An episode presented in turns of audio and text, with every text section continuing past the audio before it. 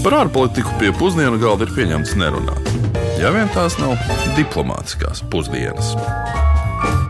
Esiet sveicināti otrdienā, un esiet sveicināti mūsu ikdienas diplomātiskajās pusdienās. Šodien mēs kopā ar dr. Kārli Bukovski un jums, klausītāji, dosimies uz vienu no Eiropas valstīm, mūsu Eiropas Savienības un NATO partneru valstī Rumāniju. Nu, daudziem no mums tā varētu asociēties ar Transilvāniju un Drakulu, bet ne jau velti slavenākie romāni, kā Brems Stokera, Drakula un Žila Vērna Karpatu pils, ir tapuši iedvesmojoties no vietām Rumānijā. Bet, piemēram, kafijas mīļotājiem, Uģi, tā kā tev, būs zināms fakts, ka Rumānijā ir dzimis kafijas automāta radītājs. Nu, mūsdienās daudz cilvēku dzer ilgi kafiju, un daudz itāļu apgalvo, ka espreso ir daļa no viņa nacionālā mantojuma. Tikai daži zina, ka Francesco Illijs, automātiskā tvaika espreso kafijas automāta radītājs, ir dzimis Rumānijas pilsētā Timošovārā. Pēc tam viņš pārcēlās uz Itāliju, kur atvēra jau savu biznesu un pasaulē pazīstamo kafijas grauzdēšanas uzņēmumu Ilija Café.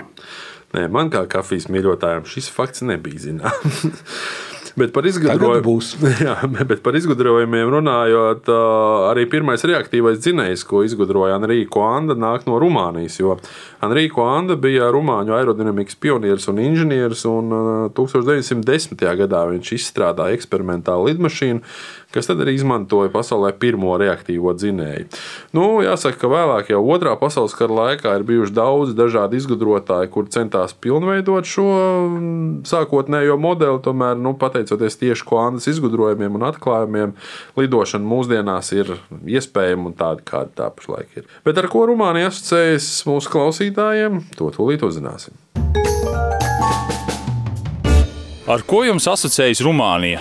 Ar čigāņiem, nu, ar čaušiesku.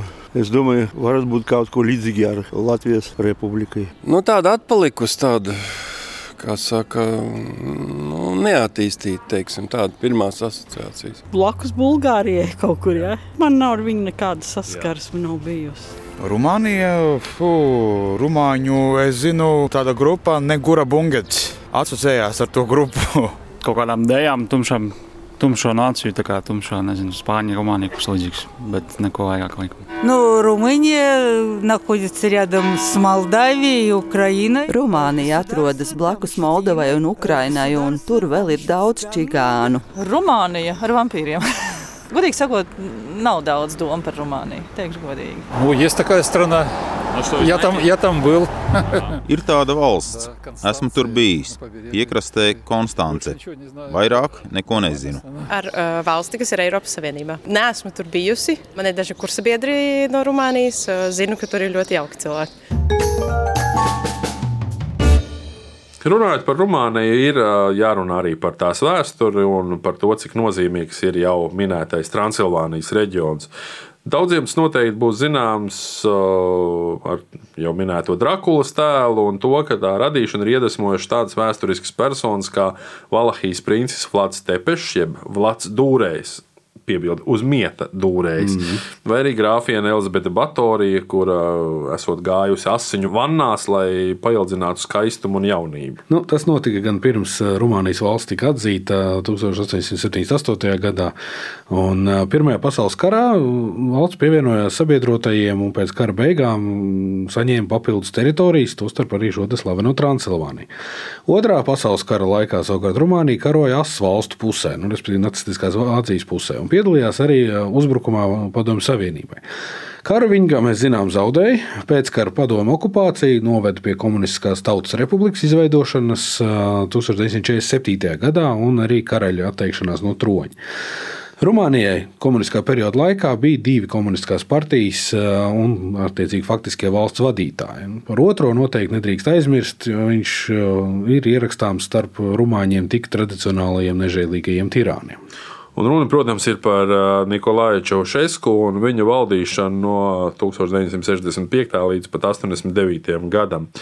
Režīms kļuva bēdīgi slavens ar drošības policijas veiktajām represijām, ar uh, megalomāniskiem centieniem pārbūvēt uh, galvaspilsētu Bukaresti un prezidenta pilsētu izbūvi, par ko tūlīt arī desertā parunāsim, ar centieniem atdot visu valsts parādu starptautiskajam valūtas fondam, uh, pat ja tas viss nozīmē faktiski iedzīvotāju dzīves līmeņa pasliktināšanu.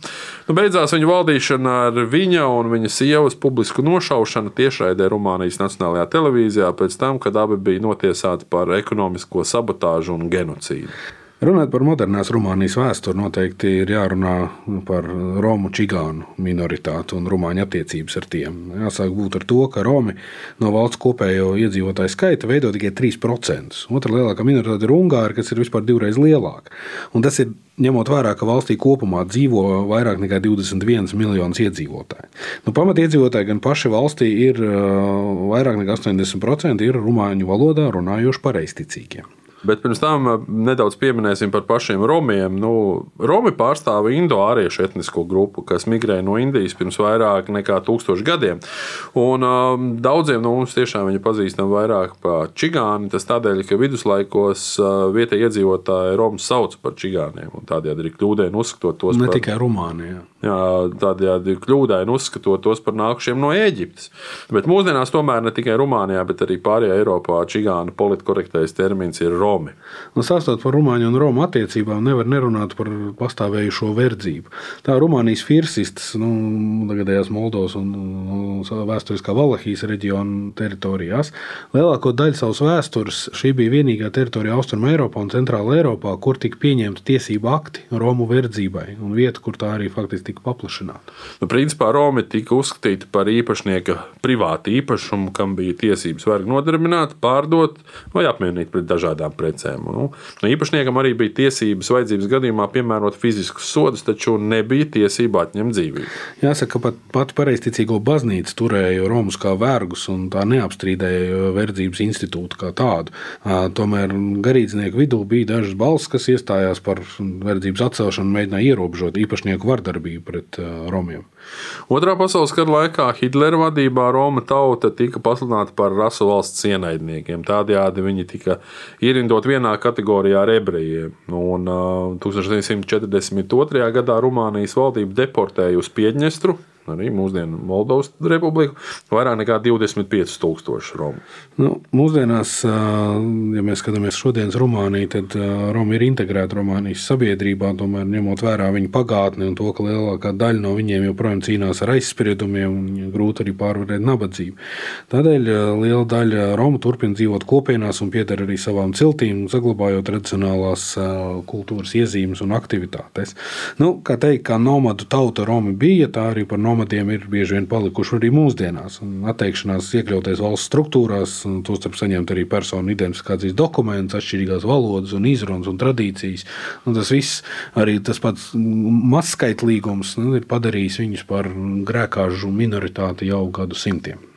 Nu, jāsaka, tas rada arī lielu sociālo problēmu, jo daudz romu bērni pamet skolu tikai pēc dažiem mācību gadiem. Dažos gadījumos romu meitenes pat vispār neapmeklē skolu, jo nu, viņu vecāki kārto laulības ievērojot tradīcijas, un, un, un tāpēc bieži vien meitenes jau 13, 14 gadu vecumā pārceļas uz savu dzīvi vīru mājā.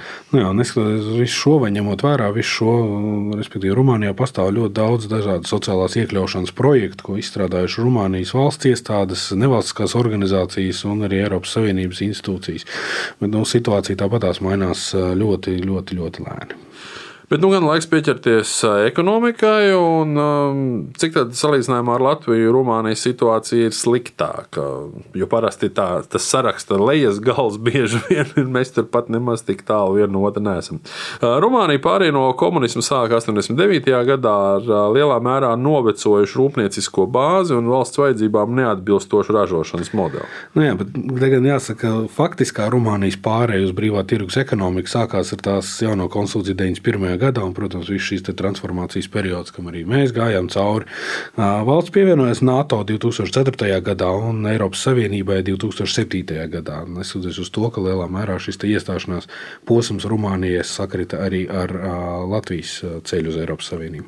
Rumānija ir starp līderiem ārvalstu tiešajām investīcijām Centrālajā Eiropā un Austrumē Eiropā. Un akumulētais ārvalstu tiešo investīciju apjoms valstī ir vairāk nekā 150 miljārdi eiro. Tas ir uzkrāts 30 gadu laikā. Pamatā Rumānijas eksporta preces ir transporta līdzekļi. Mēs esam arī mašīnas vienu otru redzējuši. Ķīmiskās preces, elektronikas izstrādājumi, farmācija, metāli, arī pārtiks produkti, tāpat arī gumija un plastmas. Un Rumānija ir arī lielākais elektronikas ražotājs Centrālā Eiropā un Austrumē Eiropā. Un pēdējo 20 gadu laikā Rumānija ir kļuvusi arī par nozīmīgu mobilo tehnoloģiju, informācijas drošības un saistītās aparatūras izpētes centru.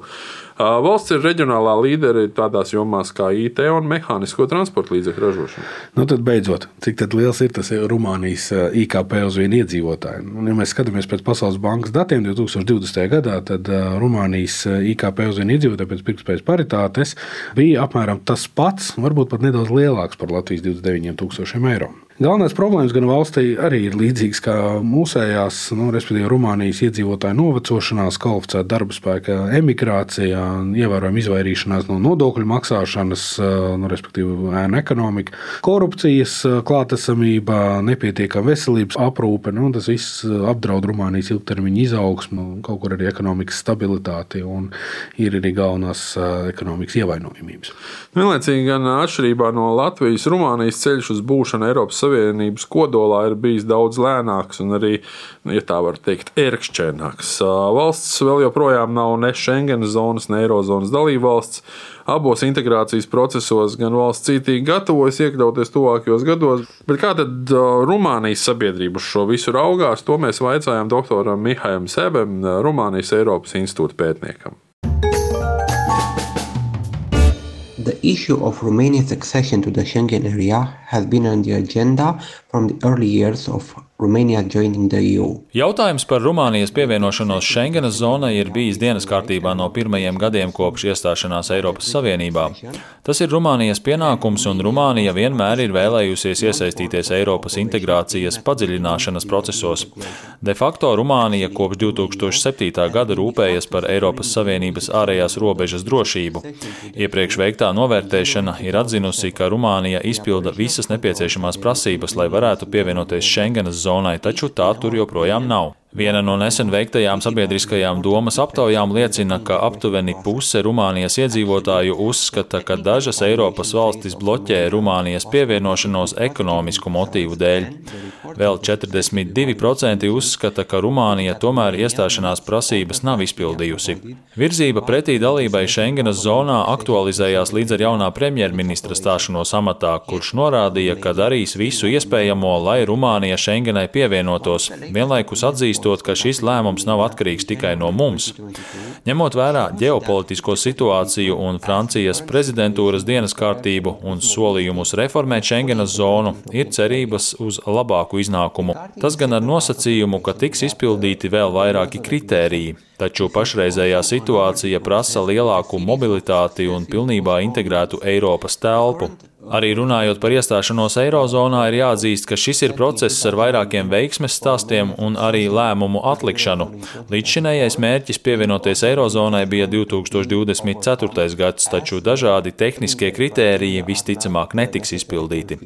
Pašlaik visrealistiskākie aprēķini liecina, ka ātrākais datums Rumānijas dalībai Eirozonā varētu būt 2028. vai 2029. gads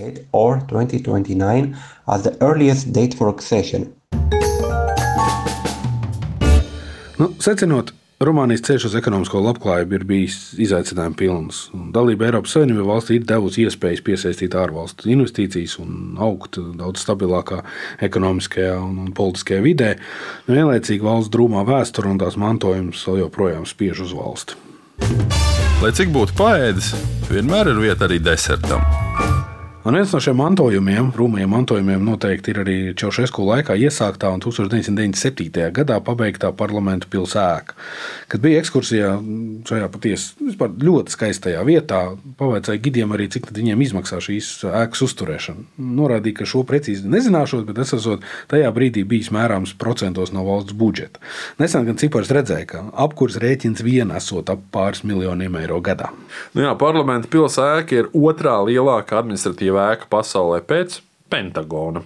Ēka ir 240 metrus gara, 270 metrus plata un 86 metrus augsta. Tajā ir 1100 istabu, un saskaņā ar Guinness rekordu grāmatu tā ir arī smagākā ēka uz planētas. Tās vērtība esot gandrīz 4 miljardi eiro. Nu, respektīvi, nu, Putina Gelenģikas pilas izmaksu ziņā tomēr tiek pārspētas.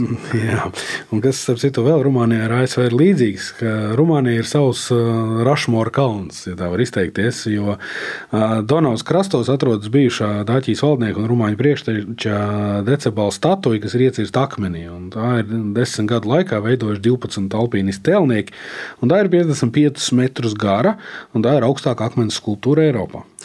Tomēr pats īpatnējākais, par ko mēs gribējām parunāt, ir jautrā kapsēta, kas ir kapsēta sapanta ciemā. Tā ir slavena ar saviem spilgtskrāsas kapieminekļiem, ar naivām gleznām, kas oriģinālā un poetiskā manierē apraksta cilvēkus, kas tur apglabāti. Nu, tur arī atspoguļos dažādas ainas no viņu dzīves. Nu, jautrā kapsēta kļuva par brīvdabas muzeju un arī valsts mēroga turismu objektu. Jā, šīs kapsētas neparastā iezīme tā, ka atšķiras no Eiropas sabiedrībās izplatītiem uzskatiem, kas nav uzskata par kaut ko briesmīgu. Tad šīs kapsētas filozofija ir tāda, ka nāve ir neizdzēšama svinīga. Ir izveidota saiknes, ar, respektīvi, saikne pastāv ar dāķiešu kultūru, kuras filozofiskie principi garantē dvēseles nemirstību un pārliecību, ka nāve ir mirklis, kas ir piepildīts ar prieku, jo nu, mēs pārējām labākā dzīvē. Un galu galā mēs skatāmies, ka bērni skatās skatoties viesnīcu Transilvāniju, tagad arī uz vampīriņiem, un Drakula skatās ar diezgan lielu smaidu. Blā, blā, blā. un ar šo ir laiks noslēgt mūsu raidījumu, un um, dosimies mēs nākamajā nedēļā uz, uh, atkal uz Rietumu Āfriku, šoreiz uz Ganu.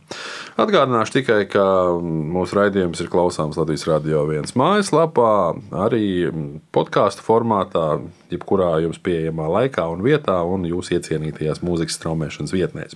Raidījumu veidoja dr. Kārls Bukovskis no Latvijas ārpolitikas institūta un Uģis Lībijams, tepat no Latvijas Radio. Bet palīdzēja mums uh, Aleksandra Palko un Rihards Plūma. Uz sadzirdēšanos! Lai izdodas! Diplomātiskās pusdienas katru otrdienu pusdienos Latvijas Radio 1.